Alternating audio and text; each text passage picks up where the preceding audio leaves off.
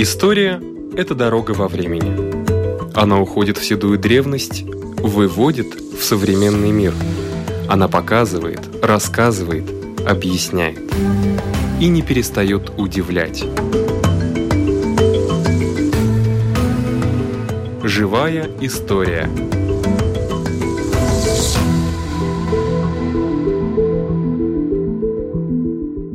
У микрофона Лидия Чера. Gara popa, man bija viena gara popa. Līdz pašam debesīm, līdz pašam debesīm. Es uz kapu debesīs, es uz kapu debesīs. Patiem pupazariņiem, patiem pupazariņiem. «Восемь белых дней» – так поэтесса Мара Залайта назвала свои раздумья обозначение настроения фестиваля «Балтика» 1988 года. И вот уже несколько дней в музее Крашенабарна открыта выставка с тем же названием «Восемь белых дней». Автор концепции выставки Андрес Эрглес. Во-первых, это память. 30 лет прошло с памятного 88 года, когда наши мысли, наши дни шли таким темпом, что ты не знал, чем день закончится, и все поминутно. И, конечно, кульминацией этого 1988 года был этот фольклорный фестиваль «Балтика», международный фестиваль, который проходил уже второй раз. Предыдущим летом 1987 года это происходил в Литве. Но в Риге этот фестиваль совпал именно с расцветом нашей атмоды, нашего возрождения. И поэтому участникам и свидетелем этого фестиваля он запомнился именно как вдохновляющий, песенный, объединяющий фестиваль, большой концерт. Трудно подобрать даже слова. И нам хотелось этой выставкой, во-первых, напомнить и рассказать тем, которые родились уже после этого или позабыли, может быть, эти события, отдать дань тем людям, которые организовали, которые участвовали. И к нашей радости еще много есть свидетелей, участников. И вот сейчас работа и, и мысли направлены к тому, чтобы записать эти свидетельства, эти рассказы, эти воспоминания, поехать к этим людям и немножко зафиксировать для истории и человеческие эмоции, их воспоминания. Потому что мы имеем множество фотографий есть и видеоматериалы. Вы участник?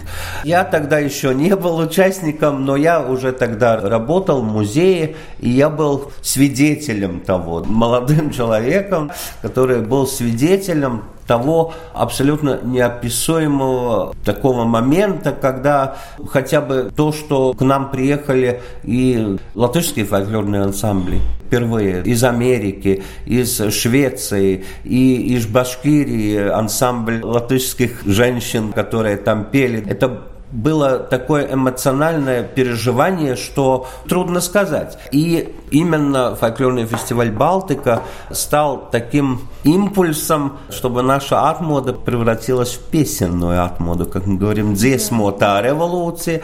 И я чувствую сердцем, что именно Балтика дала эту песенную нашу революцию, дала ей песню, дала ей такой голос, истинно народный, исконный, настоящий голос народа, помимо манифестаций, помимо политических лозунгов. Это была та духовная сила, которая сохранилась из поколения в поколение и выплеснулась в эти восемь дней и белилась в солнце, и помылась в дождике в заключительный вечер. И вот эта душа каждого участника и свидетеля тоже как бы Омылась. Да, и, и прошла какое-то, не знаю, освещение или осознание своей истории, своего народа.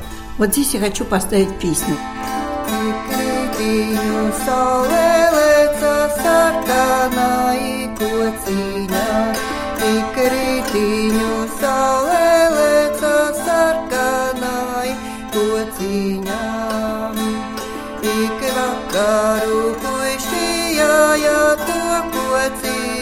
meklēdam. Ik vakaru puiši jāja to kociņu meklēdam. Es atradu to kociņu svēturītu ganīdam. Es atradu to kociņu svēturītu ganīdam. Vara sakne zelta zari grabiņā, lapiņā, mara saknē zelta zorisu drabiņa, lapiņā. Tavu tavi lai pasameta bērnu bērni izlaipo, tavu tavi lai pasameta bērnu bērni izlaipo. Tā bērniņi laipojati, lai pietika mūžiņam. Tā bērniņi laipojati, lai pietika mūžiņam. Конечно, те времена это были песни, которые были полны силы, которые давали силы. И буквально на каждом концерте звучала песня «Daugaus abas malas», слова Райниса, «Lai bija vārdi, kam bija vārdi», народная песня. И такие, которые мне в первую очередь. А какой вы видели концепцию этой выставки? Что вы хотите показать? Людей, фотографии? Во-первых, концепция и визуальный образ выставки состоит как бы из двух частей. Первый – это художественный образ, который символизирует народную песню «Ūdentiņš, akmentiņš, tie dzīvo saules mūžу». И вот эти природные материалы – это камушки, это деревушки из побережья Видземского моря и ратурумба, колесо, это солнце, это символизирует и мотив этого фольклорного фестиваля, который был посвящен солнцу. И вторая часть – это хронологический такой э, пересмотр э, основных событий, когда человек может листать календарик и смотреть, э, какого числа, во сколько, где, какой концерт проходит. Есть возможность и поглубже, и побольше в этот день погрузиться, побольше информации, побольше фотографий, какие-то аудио, какие-то видеофрагменты посмотреть, какие-то записи и документы, может быть. Так что есть и возможность поглубже узнать. Да. И, конечно, это тоже и документальные фильмы, которые можно посмотреть. Но это касается только 1988 года. Вы не делаете такой ракурс всего, то есть вот в 88 было так, в 90-м так, в 95-м иначе. Конечно, наши помещения не позволяют да. делать такие обширные э, выставки, да, грандиозные выставки, и поэтому наша цель дальнейшая – это чтобы эта выставка, которая посвящена в основном 1988 году и немножко с перспективой до 1991 года, да. как это движение пошло и до следующего фестиваля, который проходил да. в Латвии. Но вот эта выставка хорошая платформа для собирания воспоминаний и историй тоже о последующих фестивалях. Так что я думаю, что будет отзывчивые люди, и они уже сейчас есть, которые помогут нам сделать. И может быть, когда-то где-то какая-то следующая выставка будет углубленно, а да, о, о других, годах, да, дорогих да, Балтиках, да. да. А вот первую Балтику кто задумал в Латвии? Где она проходила? Это, конечно, советское время. И те официальные рамки, которые тогда существовали, без них никуда. Но можно сказать, что тут большой такой плюс был, во-первых, что уже начиная с начала 80-х годов очень активно начали организовать фольклорные разные встречи, зарождались фольклорные ансамбли. И уже в 1985 1981 году проходил первый слет фольклорных ансамблей, этнографических ансамблей. И потом в 1987 году уже был такой слет, уже второй. И э, помимо местного вот этого сотрудничества и встречи, и вот этого фольклорного настроя, это помимо происходило сотрудничество с литовскими и эстонскими фольклористами, которые в некотором смысле уже прошли дальше, которые более профессионально кто-то делал или дольше занимался этим фольклорным наследием, имели немножко другой опыт. И это все объединение и плюс, ну скажем так, и такое политическое объединение. Это тоже объединяло. И был такой момент, когда вот эти фольклористы объединились и поняли, что нужно перейти в какой-то другой уровень. И вот так случилось, что в Советском Союзе в то время не было ни одного официального международного фольклорного фестиваля. И когда разговоры зашли о том, что мы же тоже должны иметь такие же да. фестивали, как и во всем мире, то балтийские фольклористы оказались, буквально как в 19 веке молодолатыши, оказались на том месте и сказали, вот, пожалуйста, у нас есть большой опыт, мы можем это, так сказать, нести. И это все было очень хорошо одобрено, что да, мы можем организовать фольклорный фестиваль «Балтика» и в 1987 году в Литве. А как это все пошло потом, конечно, это другой разговор. Но вот такая ситуация была доброжелательно, чтобы этот фестиваль организовать угу. здесь. А вот в чем вы видите разницу, такую существенную разницу между праздником песни и фольклорным фестивалем Балтики?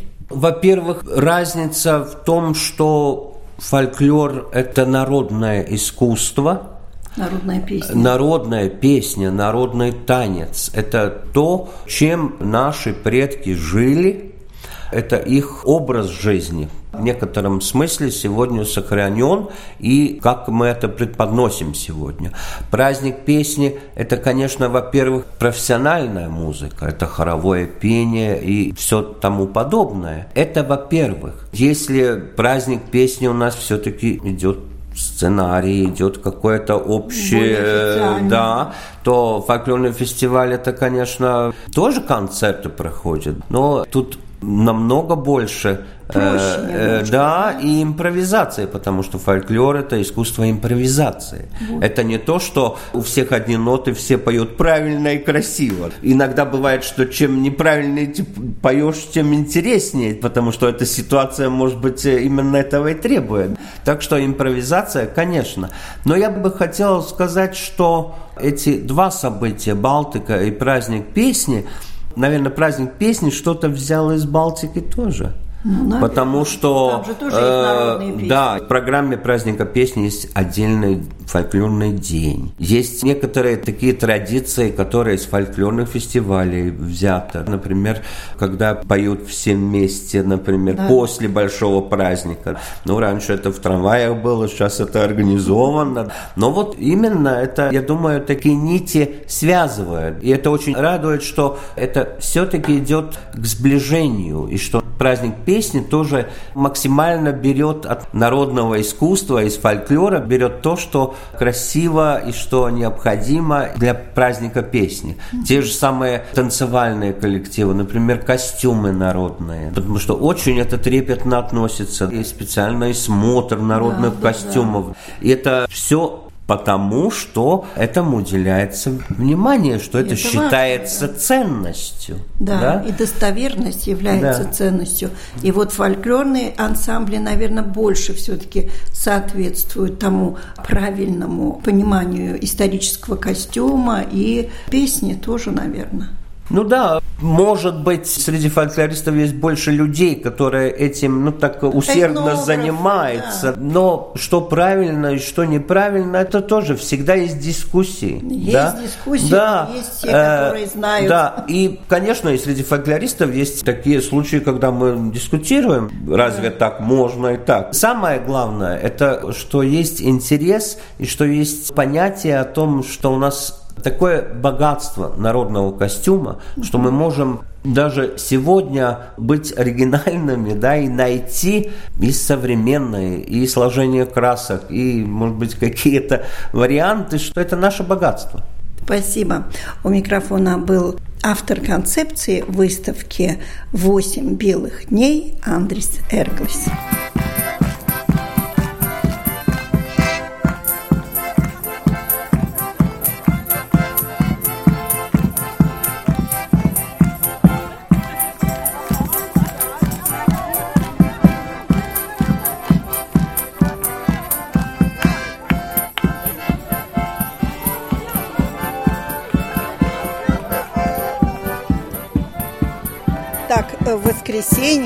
Гуляла Балтика в этнографическом музее на свежем воздухе Латгальское предместье.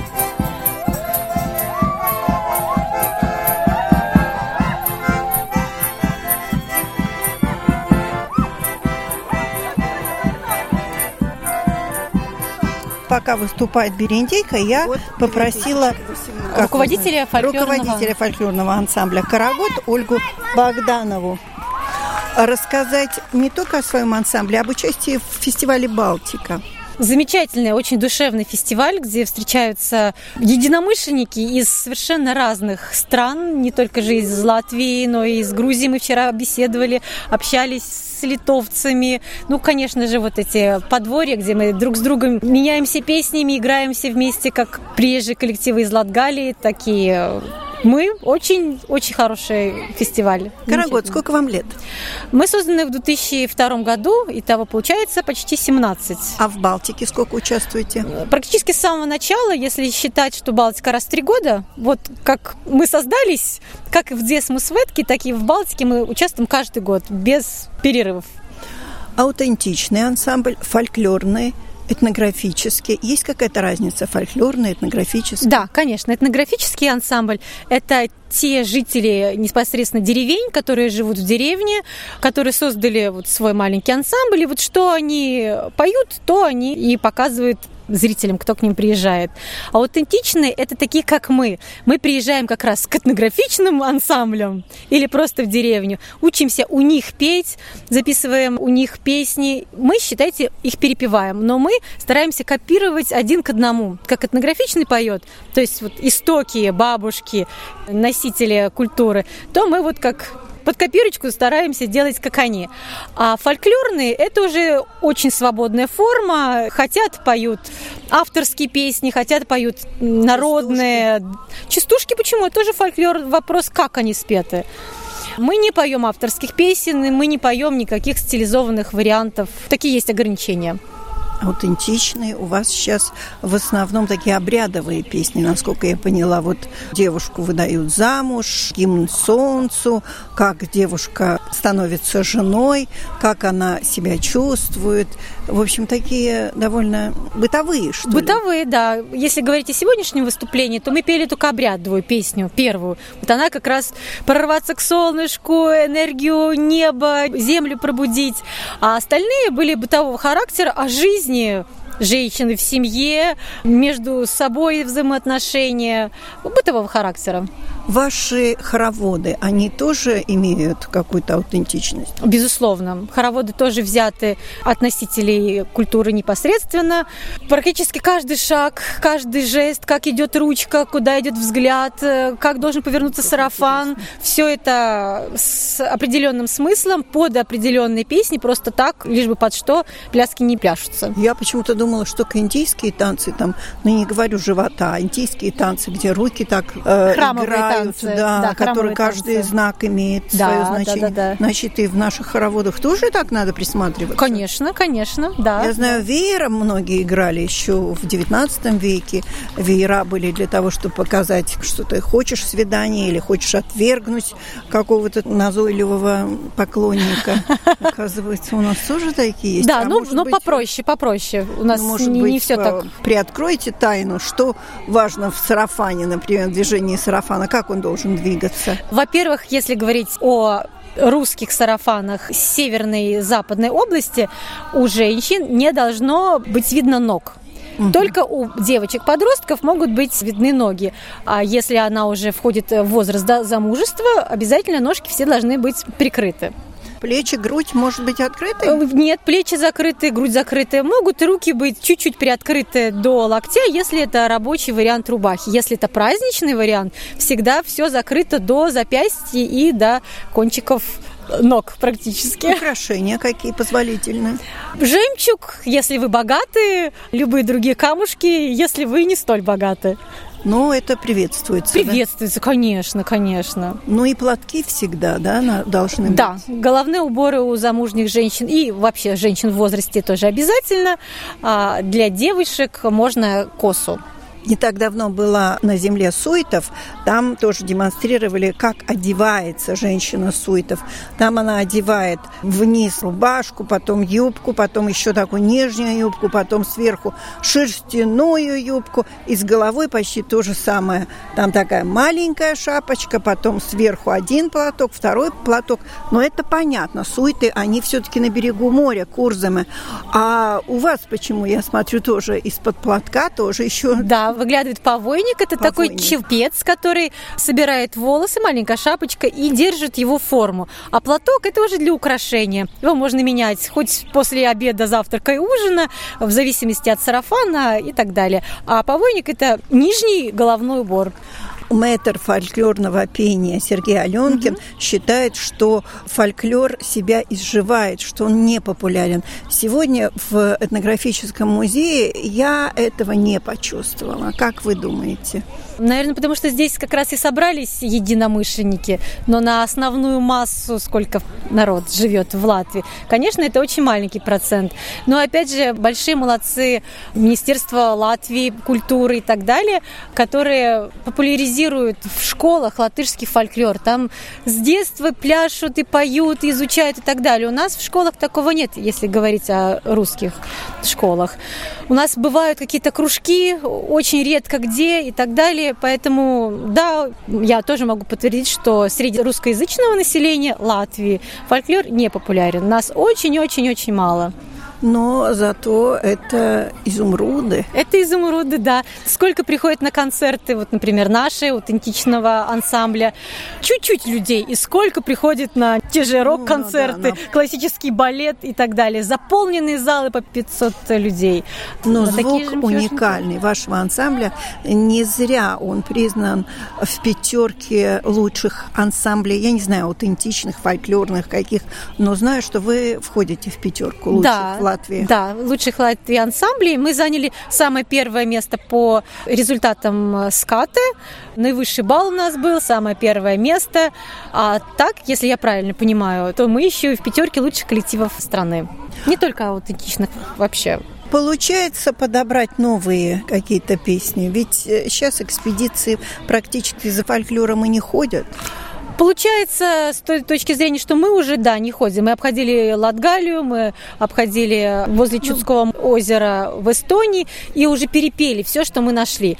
Поэтому мы пользуемся сейчас этнографическими записями других этнографов, а это очень большой пласт. Это можно и в Московском университете, и в Санкт-Петербургской консерватории достать эти материалы. Ну и самый любимый наш вариант – это мы едем на мастер-классы. То есть мы едем на фестивале к аутентичным ансамблям, России или Украины.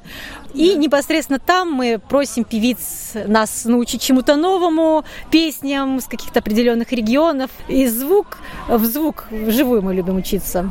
Я хочу пожелать вам успеха. У вас же, наверное, впереди еще праздник песни. Вы да, тоже будете участвовать? Да, конечно. Ждем с нетерпением. Праздник песни будет тоже очень душевный, очень Я хорошо. Я знаю, в четверг в, в рамках Балтики вы еще будете в Даугапилсе. Да, едем в Даугапилсе. Во сколько будете выступать?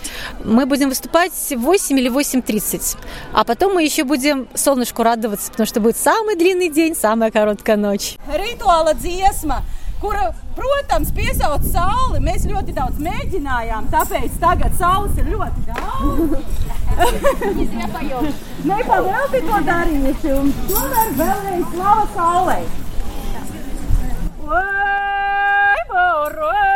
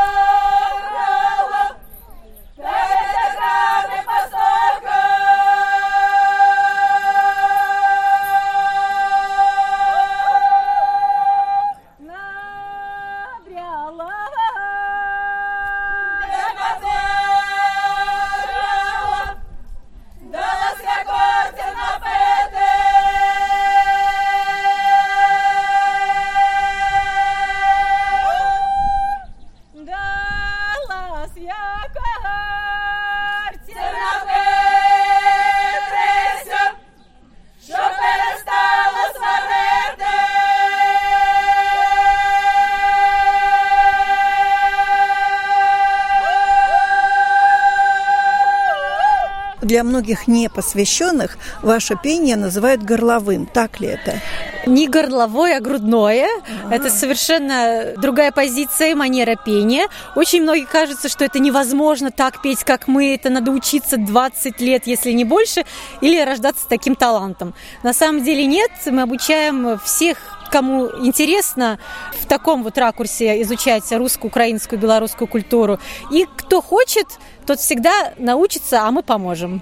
Я думаю, что оно даже имеет какой-то оздоровительный эффект. Безусловно, это прекрасный массаж всех внутренних органов. Все массажисты, которые когда-то наших девушек лечили, всегда говорили, у вас такой замечательный каркас внутренних органов, потому что они все время в тонусе. У нас опора идет от живота, и только животиком мы работаем и поем. Я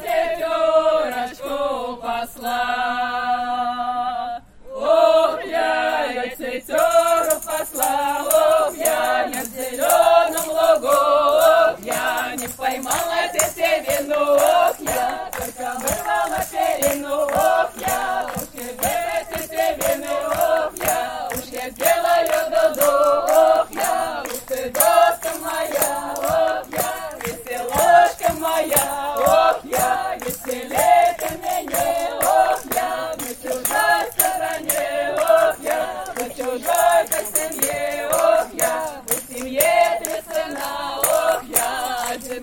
не пасет, ох, я другой лапки плетет, ох, я. Третий сидит на камушке, ох, я. Держит коза на вязушке, ох,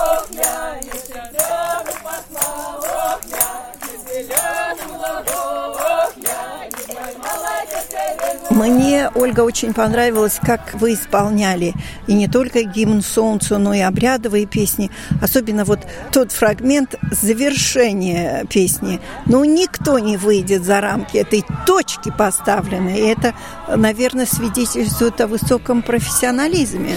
Конечно, это очень большая наша работа, но мы это делаем не просто потому, что нам кажется, что так правильно, а потому что в старинных песнях, архаичных, очень важно придерживаться правильного ритма, правильной высоты и идеального унисона.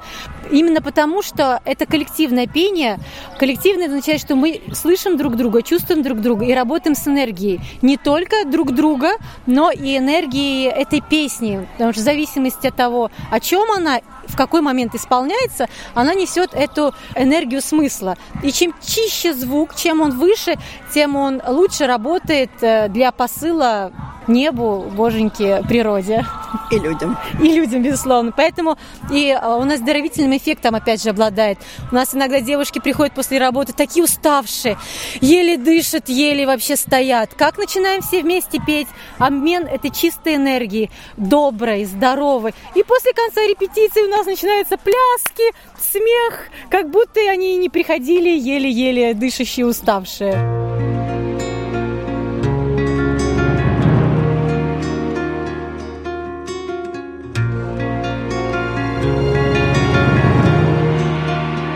На этом наша программа заканчивается. Всего вам доброго.